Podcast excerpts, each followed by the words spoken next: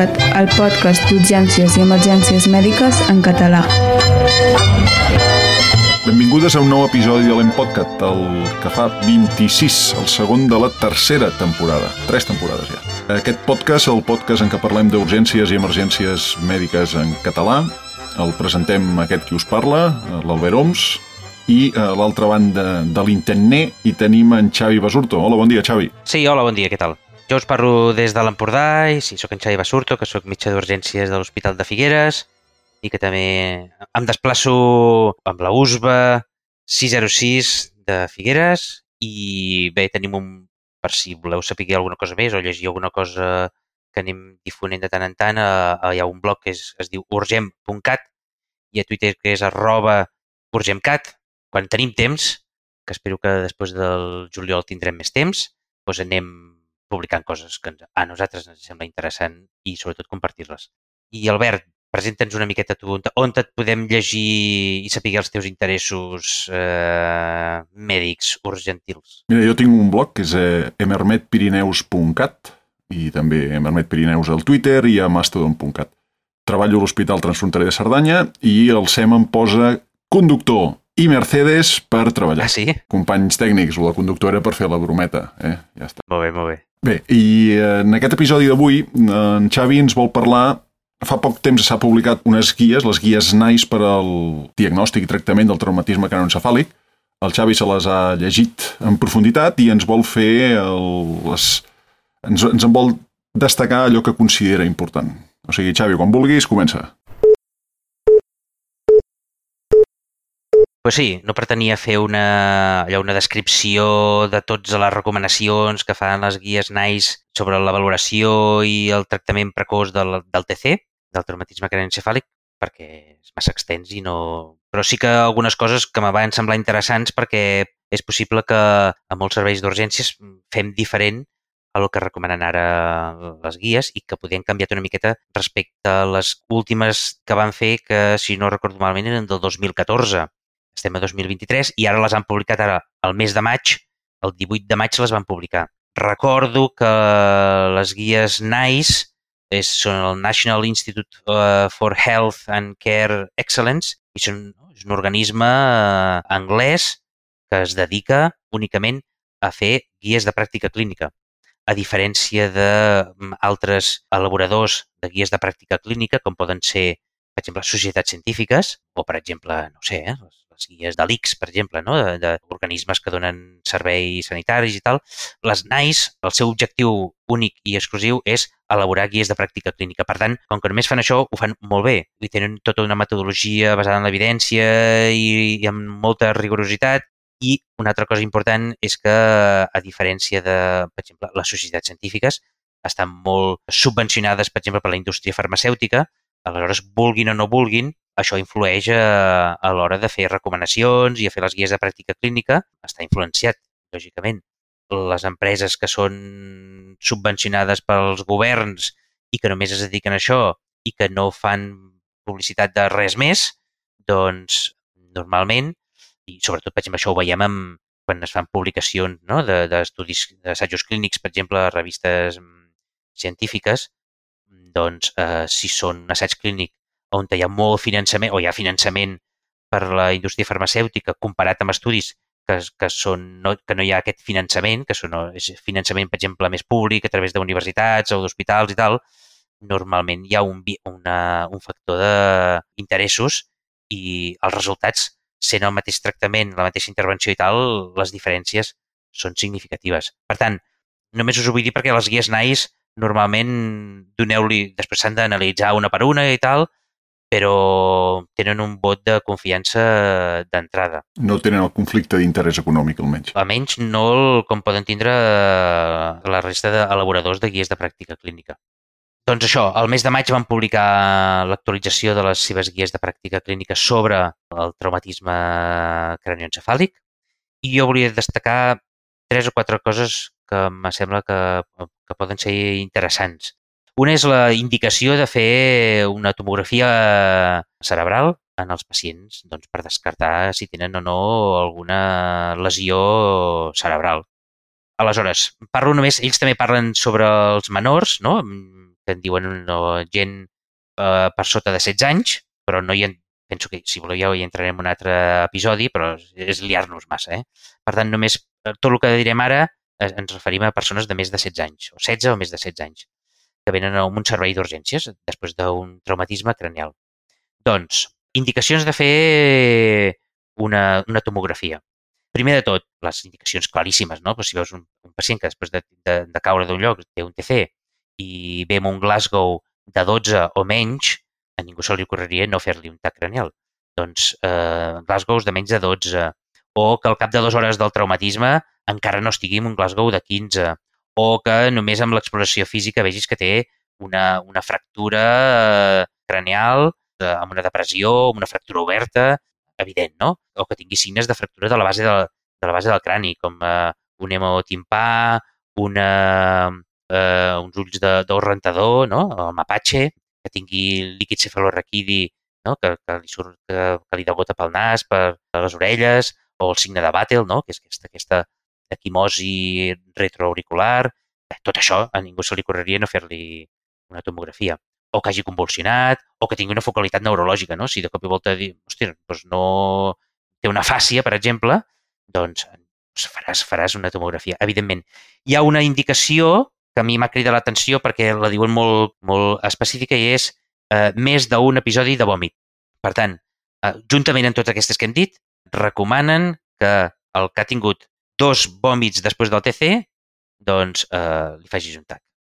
Val? Si n'ha tingut un, doncs, bueno, doncs n'ha tingut un. Però si això es repeteix, doncs encara que no tingui cap cosa més que et preocupi, doncs ja ha tingut dos vòmits, doncs té una tomografia. Què més? Després hi ha el pacient, que lògicament no està tan greu i tan evident de que pot tindre una lesió intracranial, i són el pacient que no té cap d'aquestes coses que hem dit ara, però és un pacient que t'explica, explica els testimonis, que ha perdut el coneixement o que eh, quan tu li fas l'anamnesis, doncs el pacient té una amnèsia del que li ha passat. Doncs en aquestes dues, en aquestes dues situacions doncs veurem. Si ha passat això, que té una amnèsia o realment ha perdut el coneixement, doncs veurem. Si el pacient té més de 65 anys, pren anticoagulants o pren antiagregants o el mecanisme de lesió és una miqueta ja important. És a dir, traumatisme, no? que l'hagi atropellat un vehicle a motor, que hagi sortit disparat de dins el vehicle, que hagi caigut d'una alçada de més d'un metre o de més de cinc esgalons amb una escala, o eh, que tingui una amnèsia de més retrògrada de més de 30 minuts abans del, del traumatisme. Pues, si té amnèsia o ha perdut coneixement i té algun d'aquests factors que hem dit, la recomanació del NICE és fes una tomografia computada. Per tant, si només has tingut la pèrdua de coneixement i no tens cap d'aquests altres, diguem-ne, factors de risc, no està recomanat fer el, la tomografia. Sí, diu tomografia no necessària. Ho diuen així.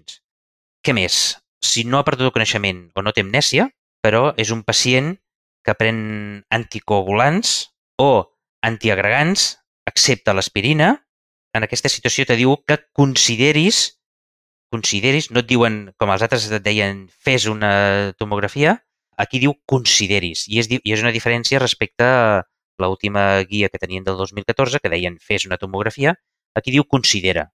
Per tant, tot aquell pacient, per exemple, parlo de, de el que pren síndrom, que d'entrada no veus que tingui un Glasgow de 12, ni uns ulls de dos rentador, ni té un hemató, ni, ni, no? evidentment que li hagis de fer un tac, veus?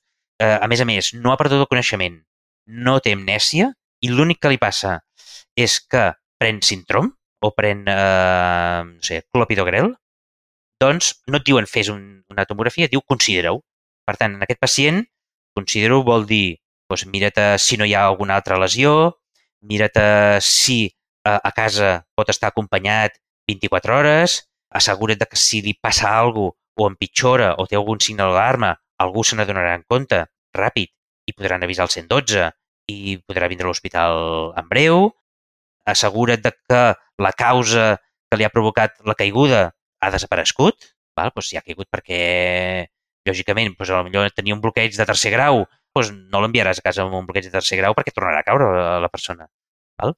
Per tant, si la causa que l'ha fet caure ha desaparegut o s'ha solucionat i té un bon suport eh, tal, eh, et queda fer la tercera, la següent cosa, que és parlar amb el pacient, parlar amb els acompanyants i fer una decisió compartida. Aleshores, tu li expliques al pacient, a la família, i dius, mira, no tens cap cosa d'entrada greu, no has perdut el coneixement, no tens amnèsia, i l'únic eh, motiu per fer-te més proves i, i deixar-te aquí amb observació i tal és perquè prens eh, síndrome o perquè prens clopidogrel. Però com que dius aquí eh, 15 minuts i eh, tindràs un bon suport familiar i podràs vindre si hi ha algun problema, si hi ha algun problema ens vens a veure i s'ha acabat. Doncs si arribem a aquesta, a aquest acord, no és necessari fer una tomografia. Xavi, mentre parlaves d'aquest cas concret de l'aspirina, bé, eh, corregeix-me, eh? perquè o sigui, si la persona, l'únic factor de risc és no li ha passat, no ha perdut el coneixement, no té amnèsia, i pren aspirina, no cal fer l'escàner, però quan parlaves d'abans que venia amb l'amnèsia i la pèrdua de coneixement, aquí sí que si pren aspirina se li ha de fer? Sí, Així ho entès bé. Sí, perquè ja donen per suposat que eh, si és un traumatisme amb el qual has perdut el coneixement o ja tens una amnèsia, doncs sí, si prens anticoagulants o et prens aspirina, eh, és un factor de risc i, per tant, sí que de fer. D'acord, sí, així ho entès bé. Si no has perdut el coneixement, no tens amnèsia i l'únic que et passa és que prens anticoagulants o algun antiagregant, doncs considera-ho. Eh, si l'únic que et passa és que prens aspirina, no has perdut el coneixement, no tens amnèsia, no tens cap d'aquests factors que hem dit abans, per tant tens menys de 65 anys, no, est- estàs bé. I l'únic que passa és que prens aspirina, doncs ells no veuen, en, en la revisió que han fet, eh, no veuen que el, la, la gent que pren aspirina amb aquestes característiques no tenen més risc de fer una hemorràgia intracranial comparat amb, el, amb, la resta de població. Per tant, si no hi ha res més, el fet que només prengui aspirina no ho consideren in- indicat a fer ni considerar-ho és com si no prengués res. Interessant, interessant. Això és un canvi interessant, eh? Sí, sí, ho diuen bastant clar. Sobre aquest tema dels altres antiagregants, bàsicament el que fem servir molt no? és el clopidogrel, la quantitat d'estudis que tenen per dir que, que no hi ha més sangrat o que n'hi ha menys o el que sigui, realment podria semblar que són molts, però són un o dos comptats. Però amb aquests, amb el que hi ha, no està gens clar que prendre aspirina per si sola augmenti el risc de, de tindre una hemorràgia intracranial. D'acord.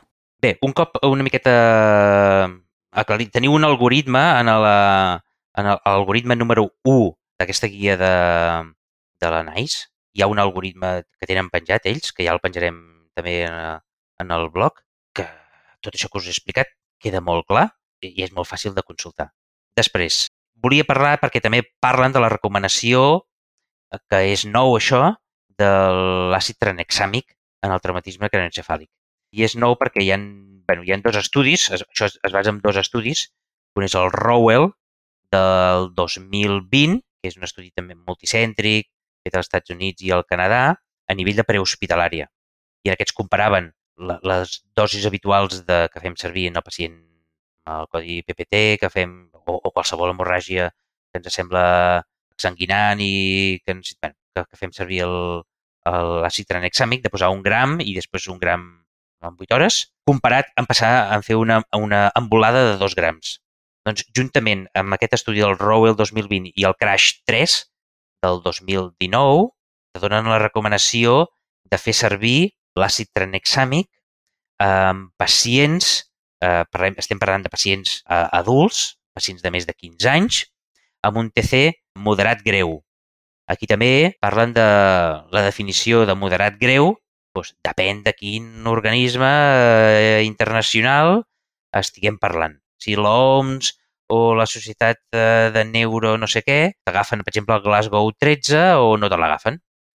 Les NICE doncs, te diuen que amb un Glasgow, amb un TC moderat greu, és a dir, amb un Glasgow menys de 13, vale? entre 12 i 3, amb un pacient adult, més de 15 anys, doncs li posis 2 grams de tranexàmic. Més senzill que fer el gram i al cap de no sé quanta estona la resta i tal. Molt bé. Dos, bol, un bol de dos grams. Fantàstic. Sí, una embolada de 2 grams que tampoc t'acaben de definir perquè no està eh, clar, però si aquests 2 grams els poses en 100 mil·lilitres de, de fisiològic i els passes en 10 minuts, o tranquil·lament fas una embolada d'un minut o de dos minuts i s'ha atacat el problema. Per tant, això és a criteri de cada servei o de cada professional, Però la qüestió és que sí, si tens un, un TC moderat o greu, posem-li dos grams, dos grams de tranexàmic, o sigui, a nivell de prehospitalari, això s'ha de fer abans de dues hores. Abans de dues hores, passat el, el, just del moment del TC. Uh, més enllà de les 3 hores, bé, no ho sabem. No sabem si serà beneficiós o no. També diuen que el, els efectes adversos de, del el tranexàmic tampoc són gaire preocupants, però sí que et recomana el benefici s'ha vist si es fa abans de les 3 hores del traumatisme. Per tant, a nivell extrahospitalari, doncs, si ho vas a buscar tu amb la USBA, doncs ja li pots posar i si arriba a urgències i tal, abans de fer el TAC eh, per descartar si té o no té lesió, o si és un Glasgow menys de 13, ja li pots posar una embolada de, de tranexàmic Molt bé. i continuem.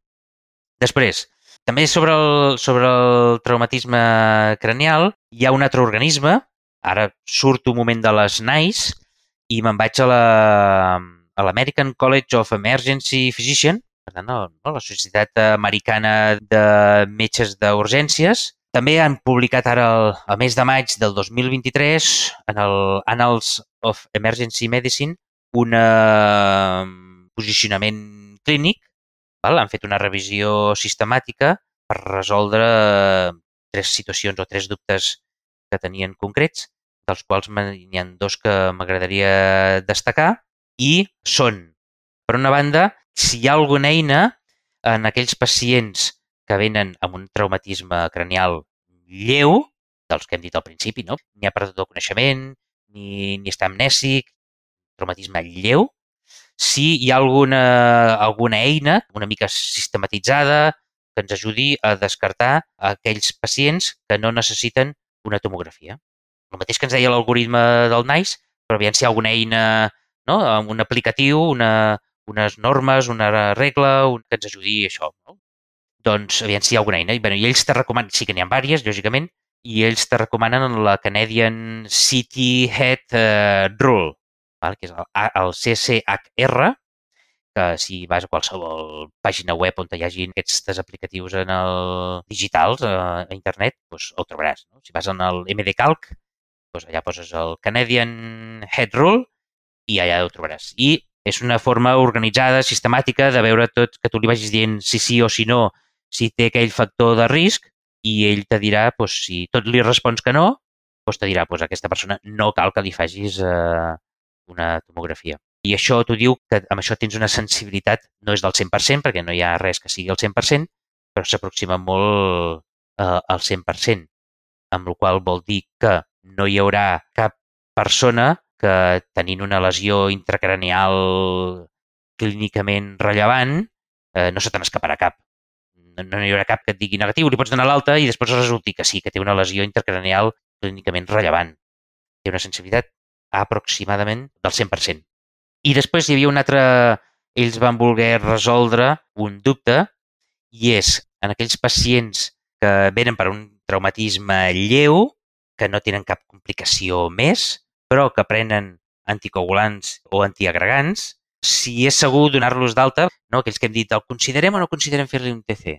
Doncs en aquells que hagis decidit, decidir fer-los, veiem que la, la imatge no, hi ha, no està informada que hi hagi cap eh, sangrat ni cap lesió intracranial, però el pacient pren eh, síndrom.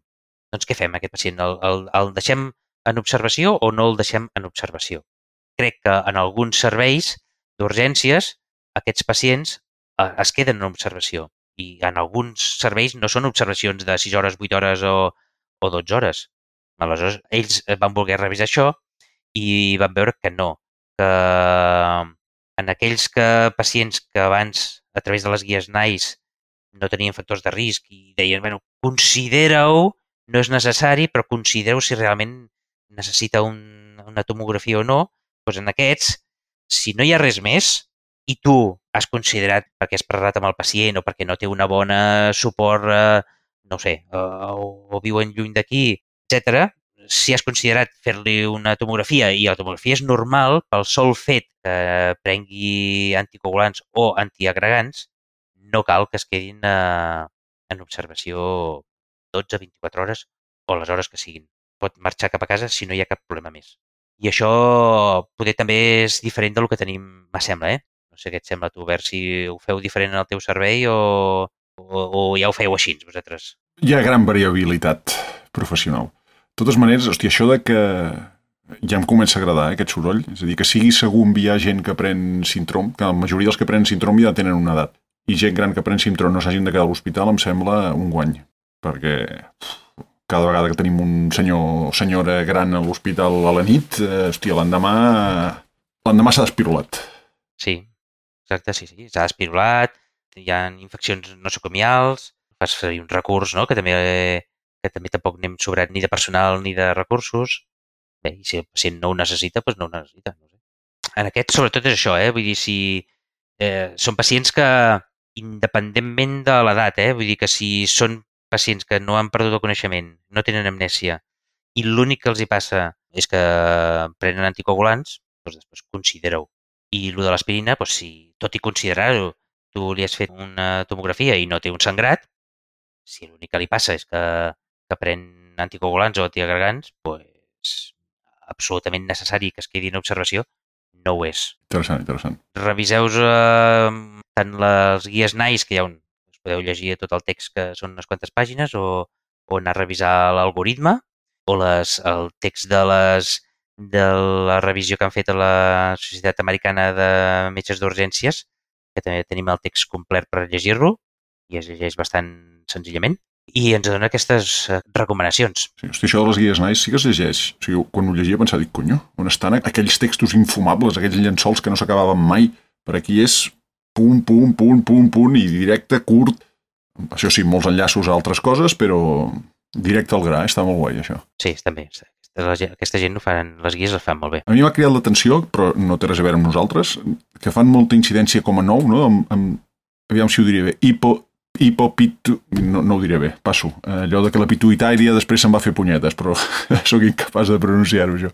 Que és una cosa desconeguda per mi fins ara, vaja. Sí, ells diuen que sí, que hi ha malalts que, clar, tenen lesió de l'hipotàlam, no? Suposo que deu ser, eh, o l'hipòfisi, i són pacients que potser te venen eh, hipotensos, amb hiponatrèmia, no? després del traumatisme doncs, hi ha una alteració de la regulació hormonal en resultes del traumatisme, que, pots, que, no és, que no fa falta que sigui un traumatisme lleu, no és molt habitual, però fins i tot ho pots veure al cap de poques hores del traumatisme i per tant ho podem veure a urgències, no? pues que gent que dius, ostres, per què està hipotens, per què està hiponatrèmic, un TC que per lo que sigui l'has deixat en observació i que tinguis en compte que pot ser un problema no? de l'hipotàlam o de l'hipòfisi, però clar, després això s'ha de fer no? estudis amb cortisol i no sé què, i a urgències, pues, la gent que està a urgències, pues, els nivells de cortisol i tal no és el moment ideal d'estudiar-ho, ni tampoc tenim les eines, ni el laboratori ens diran què estàs demanant tu. Saps? Això, si vols demana-ho ja t'ho donarem el resultat de la setmana que ve. Però sí que ens diuen que ho tinguem en compte. Per tant, si, has de, si el pacient ingressa o el pacient va al metge capçalera al cap d'una setmana i continua potents i continua, li fan un control de l'analític i continua hiponatrèmic, doncs que algú se'n doni compte que pot ser un problema d'aquest. Mira, deixa'm per acabar el tema.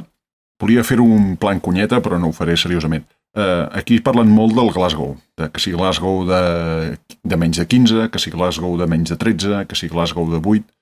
Escolteu-vos l'episodi en què parlàvem del Glasgow. Aquí els Glasgow els, els engaltem de qualsevol manera i s'han de fer bé. I precisament aquest Glasgow 12 és un dels que probablement sigui més difícil d'encertar i que entre dues persones diferents ens trobem que a un li dona 14 i a l'altre li dona 12. Fixeu-vos-hi, hi ha les, els fulls d'ajuda de, per valorar el Glasgow que són, fan que ho objectivis molt millor. Fem-ho bé, sisplau, fem-ho bé, invertim, invertim temps aquí, perquè tots hem fet moltes cagades mesurant Glasgows malament. Mirem de fer-ho millor, va. Sí, sí, no, perquè almenys depèn de moltes algoritmes i moltes decisions que prenguis, doncs no és el mateix tindre un Glasgow de 12 que de 13, per exemple. No? T'anirà que li posis el millor el tranexàmic o no, o que no li posis. Sí, sí, és veritat, Albert. Uh, què més? Doncs va, uh, jo crec que ja podem passar a la següent secció, que, seguint l'ordre dels altres episodis, toca parlar del menys és més. Del menys és més. I en aquest episodi el menys és més em toquen a mi, us portaré una iniciativa eh, relacionada sempre d'aquest sector, eh, del, de que fer menys eh, és millor, En aquest cas és el Choosing Wisely Canada, és una recomanació que ve de l'Associació Canadenca d'Infermeres i de l'Associació Canadenca d'Infermeres de Cures Intensives. Doncs llencen un paquet de cinc recomanacions, jo em quedo amb aquesta. Eh? No intenteu repetidament accessos intravenosos durant un esdeveniment de risc vital quan l'accés intraossi és accessible. Ens diuen que en les situacions d'emergència els accessos intravenosos poden ser difícils d'obtenir, ja ho sabem això, que sovint les infermeres perdem molt temps intentant insertar vies perifèriques i que a vegades fins i tot es comencen a insertar catèters venosos centrals, però que si l'accés intraossi és accessible, és molt més ràpid i molt més segur si es fa, ho fa per personal entrenat. Ens donen diverses fonts.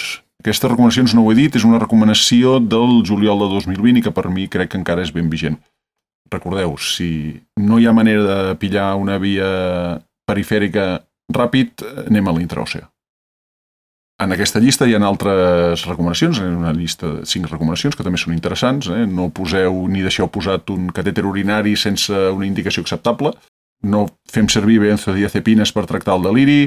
No fem servir com a primera instància les, les contencions mecàniques per evitar que la gent se'ns extubi o s'arrenquin coses. I per últim, no... Mira, lliga amb, la, amb una recomanació del menys més que vaig fer en no sé quin episodi que no allarguem l'ús de les vies perifèriques o centrals sense una reavaluació diària si són necessàries o no. Doncs això, Choosing Wisely Canada, de les recomanacions de l'Associació Canadenca d'Infermeres i de l'Associació Canadenca d'Infermeres de Cures Intensives. Això, Albert, que ens deies de l'accés de la via interòssia, recordar que i també em sembla que ho vam parlar un dia en un, en un blog, en, en, un, en algun podcast que, que hem fet, no n'estic segur, eh? que si el pacient està conscient, el tema de l'analgèsia, l'idocaïna i tal, perquè fer una infusió de líquid intraossi, si el pacient està conscient, fa molt de mal. Te'n recordes si en vam parlar, Albert, o no? Doncs eh, jo al meu blog hi tinc un resum del que s'havia de posar. No sé si n'hem parlat. Em sembla alguna cosa... No, no em sona que n'haguem parlat. Mira, mm, va, ens apuntem. Hem de parlar de la intraòssea. Ho repassem i, i si no n'hem parlat, això està bé perquè penso que hi ha que, que molta gent ho desconeix o, o bueno, no en som conscients d'això, que el pacient que està inconscient perquè estem fent una reanimació no? en una aturada cardíaca i tal, doncs el pacient no, no és el prioritari l'analgèsia. Però si és un pacient que té no, dificultat amb, una via perifèrica i l'únic que tens una intraòssia, doncs abans de passar-li doncs, mig litre de suero o del que sigui per una via intraòssia, s'ha de fer una analgèsia amb lidocaïna, que té tota una, una estructura, una, no? una forma de fer-ho que, que està bé conèixer. Hem de parlar de la intraòssia. És una de les coses bàsiques que ens toca parlar aquest any també. Doncs pues ho farem. Molt bé. Doncs va, Xavi, vinga, anem a l'urgent mot. L'últim episodi havíem començat a fer un recull de termes que feien referència a diagnòstics o problemes de salut. I ja no parlem de, per exemple, eh, signes o símptomes o, o estris que tenim pel servei d'urgències, no sé què hem fet alguna altra vegada, de fàrmacs, per exemple, sinó parlem de patologies i de diagnòstics i de problemes de salut. Per exemple, podríem parlar de la fasciitis, no? en lloc de la, de la fascitis, que hi ha diferents tipus, no?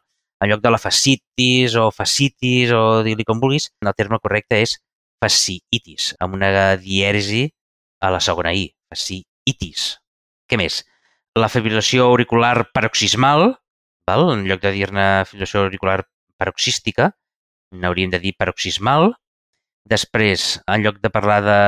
hauríem de parlar d'una hiperèmesi gravídica, no? Eh, la, la gestant que ve perquè està amb molts de vòmits continuadament, tal, doncs parlem de hiper, hiperèmesi, amb un accent a la, obert a la segona E, hiperèmesi gravídica. Un que ja havíem parlat, que és l'infart lacunar, vale? en lloc de llacunar, eh, anem infart lacunar, eh, el mal de el mal de muntanya, també en podem dir mal d'altura, però el terme més correcte i tal, i més recomanat pel TermCat, és el mal de muntanya. I és més maco també, eh? És més maco, sí. Què més? La malaltia inflamatòria pelviana, en lloc de la malaltia inflamatòria pèlvica, doncs n'hauríem de dir pelviana, i una infecció vírica de la pell que sobre que veiem molt freqüent en nens, que també podem veure en adults a regió pubiana relacionat amb malalties de transmissió sexual, que és el mol·lusc contagiós, que jo sempre n'havia dit eh, molluscum, el molluscum contagiosum, doncs en català és el mol·lusc amb L geminada, el mol·lusc contagiós. I fins aquí l'urgent mot de diagnòstics mèdics.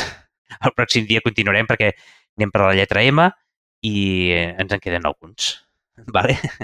Molt bé. Mira, jo no tinc cap urgent mot, però seguint amb la meva tònica activista, eh, recordareu que en algun, ja no recordo quin episodi era, vaig parlar del projecte AINA, una iniciativa de la gent de Catalunya que aprofitava una eina prèvia del Common Voice, una eina de la Fundació Firefox, per a tenir un corpus de veu per entrenar intel·ligències artificials i bueno, per tota una sèrie de qüestions. Bé, em sembla que ho havia recomanat diverses vegades. Eh, bàsicament, tu havies de locutar uns textos, havies de gravar uns textos eh, amb la teva veu i havies de validar el que havien gravat d'altres, no? Bé, doncs resulta que fa unes setmanes el Common Voice en català és la llengua més hores eh, gravades i validades d'aquest projecte. Ah, molt bé. Per davant de l'anglès. Molt bé. Eh, per tant, aquí l'armada catalana, allò que els de la Viquipèdia diuen The Catalan Army, que es veu que sempre que hi ha una trobada wikipedista pel món apareixen una quantitat enorme de catalans a donar guerra, doncs també donem guerra en això. Estem parlant d'hores. Eh? Ni el número de persones ni el número de frases gravades guanyen els anglesos, els, els anglòfons, però el número d'hores els catalans anem primer. Ara hauríem d'apretar una miqueta més a veure si ja passem davant amb número de frases, amb número de parlants és una miqueta difícil, eh? ens porten quatre vegades. Això vol dir també que estem motivats. Eh? Si quatre vegades menys gent mm, fem més és que ens hi posem, eh? Els catalans fem coses. Doncs mira, els catalans fem coses. és, una, és una de les coses que fem. Molt bé, molt interessant. Molt bé, doncs eh, jo si vols eh, tenir també una recomanació... Vinga, fot-li. Penso que, penso que no l'hem fet, però si l'he fet la recordo. És el, és, és el Diana Salut. Mm, et sona si l'hem fet, Albert? Una cosa que es diu Diana Salut? No, no, no. Pues el Diana Salut, dianasalut.com és una pàgina web que és una iniciativa que significa divulgación de per analitzar l'adequació en salut. Jo segurament ho he comentat alguna vegada perquè quan fem el menys és més, moltes iniciatives d'aquestes les trobo en el, a dianasalut.com. Això és una iniciativa iniciada una cosa que es diu el CiberESP, que bueno, és un centre d'epidemiologia, de salut pública a Espanya, emparat en l'Institut Carlos III, en el qual intervenen diferents hospitals, com el 12 d'octubre, Ramon y Cajal, Cruces, de Baracaldo, l'Hospital de, de Donosti, Sant Sebastià, un altre d'Alicant, el Miguel Hernández, l'Hospital Vallebron i l'Hospital Santa Creu i eh, l'Hospital Sant Pau de Barcelona, que dintre d'això és el coordinador de la iniciativa MAPAC. El MAPAC, que crec que em vaig eh, comentar un dia, significa, és l'acrònim que significa mejorar la adequació de la pràctica assistencial i clínica. I mejorar la adequació és el que estem intentant amb això del, del menys és més, és pues, això, eh, no fer coses que diagnòstics, eh, proves complementàries, tractaments en salut que sabem que no aporten res de bo eh, en els pacients, inclús que poden ser perjudicials i que fem de forma sistemàtica. Per tant, són tot d'iniciatives, com aquests menges més, doncs que ens diuen, ei, això, en algun cas puntual, si ho requereix, ho feu, fem-ho, però de forma sistemàtica, doncs no. Uh, aleshores, a través del Diana Salut podem accedir a totes aquestes recomanacions del MAPAC, de l'educació de la pràctica assistencial i clínica, i ho fem a través del Diana Salut. Aquest Diana Salut té un buscador molt senzill en el qual pots posar diferents eh, filtres i diferents cerques bàsiques. No? Tu, tu li poses un o dos termes que vols buscar, poses traumatisme craneal o poses no sé, el que vulguis, aspirina o poses eh, el que estiguis buscant i després pots triar, o si vols ja no poses res més, eh? i te dirà de totes... Ell fa una cerca amb moltes pàgines web on tenen iniciatives d'aquestes com a l'essential, com a l'essential del GenCat, doncs diferents. No? Per exemple, el Using Wisely del Canadà, d'Austràlia, el Japó, d'Anglaterra, d'Holanda, què més? Uh, la Cochrane també fa recomanacions d'aquestes de similars al menys és més, l'Essential, que ja hem dit, del GenCat, el Less is More del JAMA, les NICE, la Senfic fa també una, unes recomanacions que en diu no hacer. Bé, tot, molt, hi ha molts organismes internacionals que es dediquen a fer aquest tipus de recomanacions de no fer, de less is more, de menys és més. I això és un buscador, és com un metacercador, que a tu a partir de... li poses una, un interval de temps, doncs els últims 5 anys, i li poses dos o tres termes de cerca que vulguis, i ell te dirà doncs, les, les recomanacions internacionals d'aquests molts organismes que facin sobre aquella cerca que tu li estàs fent. I jo moltes, moltes recomanacions de les que fan, o, o que diem aquí a l'Empodcat, doncs les trec del Dia de Salut moltes doncs són, me surten, i faig cerca aquí i me surten moltes de l'Essential, que són les recomanacions de l'Agència d'Avaluació i Qualitat Sanitàries de Catalunya, que és l'Aquas, doncs me surten aquí. Si teniu interès o veure què hi ha de nou, doncs, doncs a través del, a part del que nosaltres anem donant, doncs, si teniu interès, podeu anar en aquest buscador, en aquest cercador, i és fàcil de trobar. I això és tot. Jo ni confirmo ni desmenteixo que el menys és més d'avui l'he trobat a través de dianasalut.com. Val. és, és un molt bon sistema. Va, i la meva recomanació d'aquest episodi és una recomanació visualment molt antiga. És un lloc web que es diu intranasal.net i és una web estèticament lamentable. Ja pels anys 90 devia ser fins i tot antiga, de les pàgines de web de, de quan Google encara no existia, d'acord? Perquè es feu una idea del que estem parlant. I es diu com? I dius intranasal què? Intranasal.net. De fet, és que estèticament és tan lamentable que he anat a mirar i dic, aviam si està morta aquesta pàgina, i no, no, tenen actualitzacions de l'any 2020, o sigui que tan morta no està.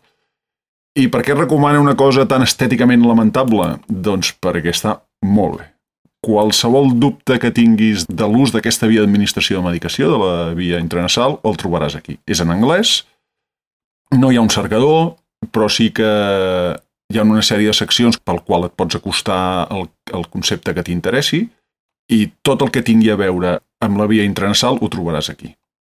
Evidentment, nosaltres quan pensem en via intranasal doncs pensem en amb la sedació de la canalla, pensem en l'ús d'analgèsia, però doncs, mira, trobarem de tot. L'ús de naloxona intranasal, doncs, als Estats Units que tenen aquests problemes amb l'epidèmia d'opiacis, doncs ja tenen, tenen presentacions per fer-les intranasals. Bueno, francament, qualsevol cosa que necessitis saber de l'ús d'aquesta via, doncs aquesta pàgina. Necessitaràs, això sí, necessitaràs una certa tolerància a, a qüestions estètiques. Eh? De reconèixer que és bastant lamentable eh, visualment però el contingut és espectacular. Um, Albert, evidentment no té, no té res a veure, però quan m'has dit això que no hi havia un buscador, no té un cercador aquesta pàgina web, hi ha un sistema fas, molt fàcil de fer una cerca en, a qualsevol pàgina web que no té un cercador, eh, que és en el, en el buscador de Google, per exemple, qualsevol buscador d'un navegador, tu li poses el terme de cerca que vols fer, per exemple, poses miazolam, aquest terme, o varios, després li poses site, dos punts, intranasal.net i ell te fa la cerca d'aquest terme que tu li hagis posat en la web que li has dit. I això li has dit amb el site. No? Jo he posat, per exemple, Midazolam, un espai, i després escrius site, site, dos punts, i la pàgina web, intranasal.net, i ell te fa una cerca a dintre d'intranasal.net de tot arreu on hi ha la paraula eh, Midazolam.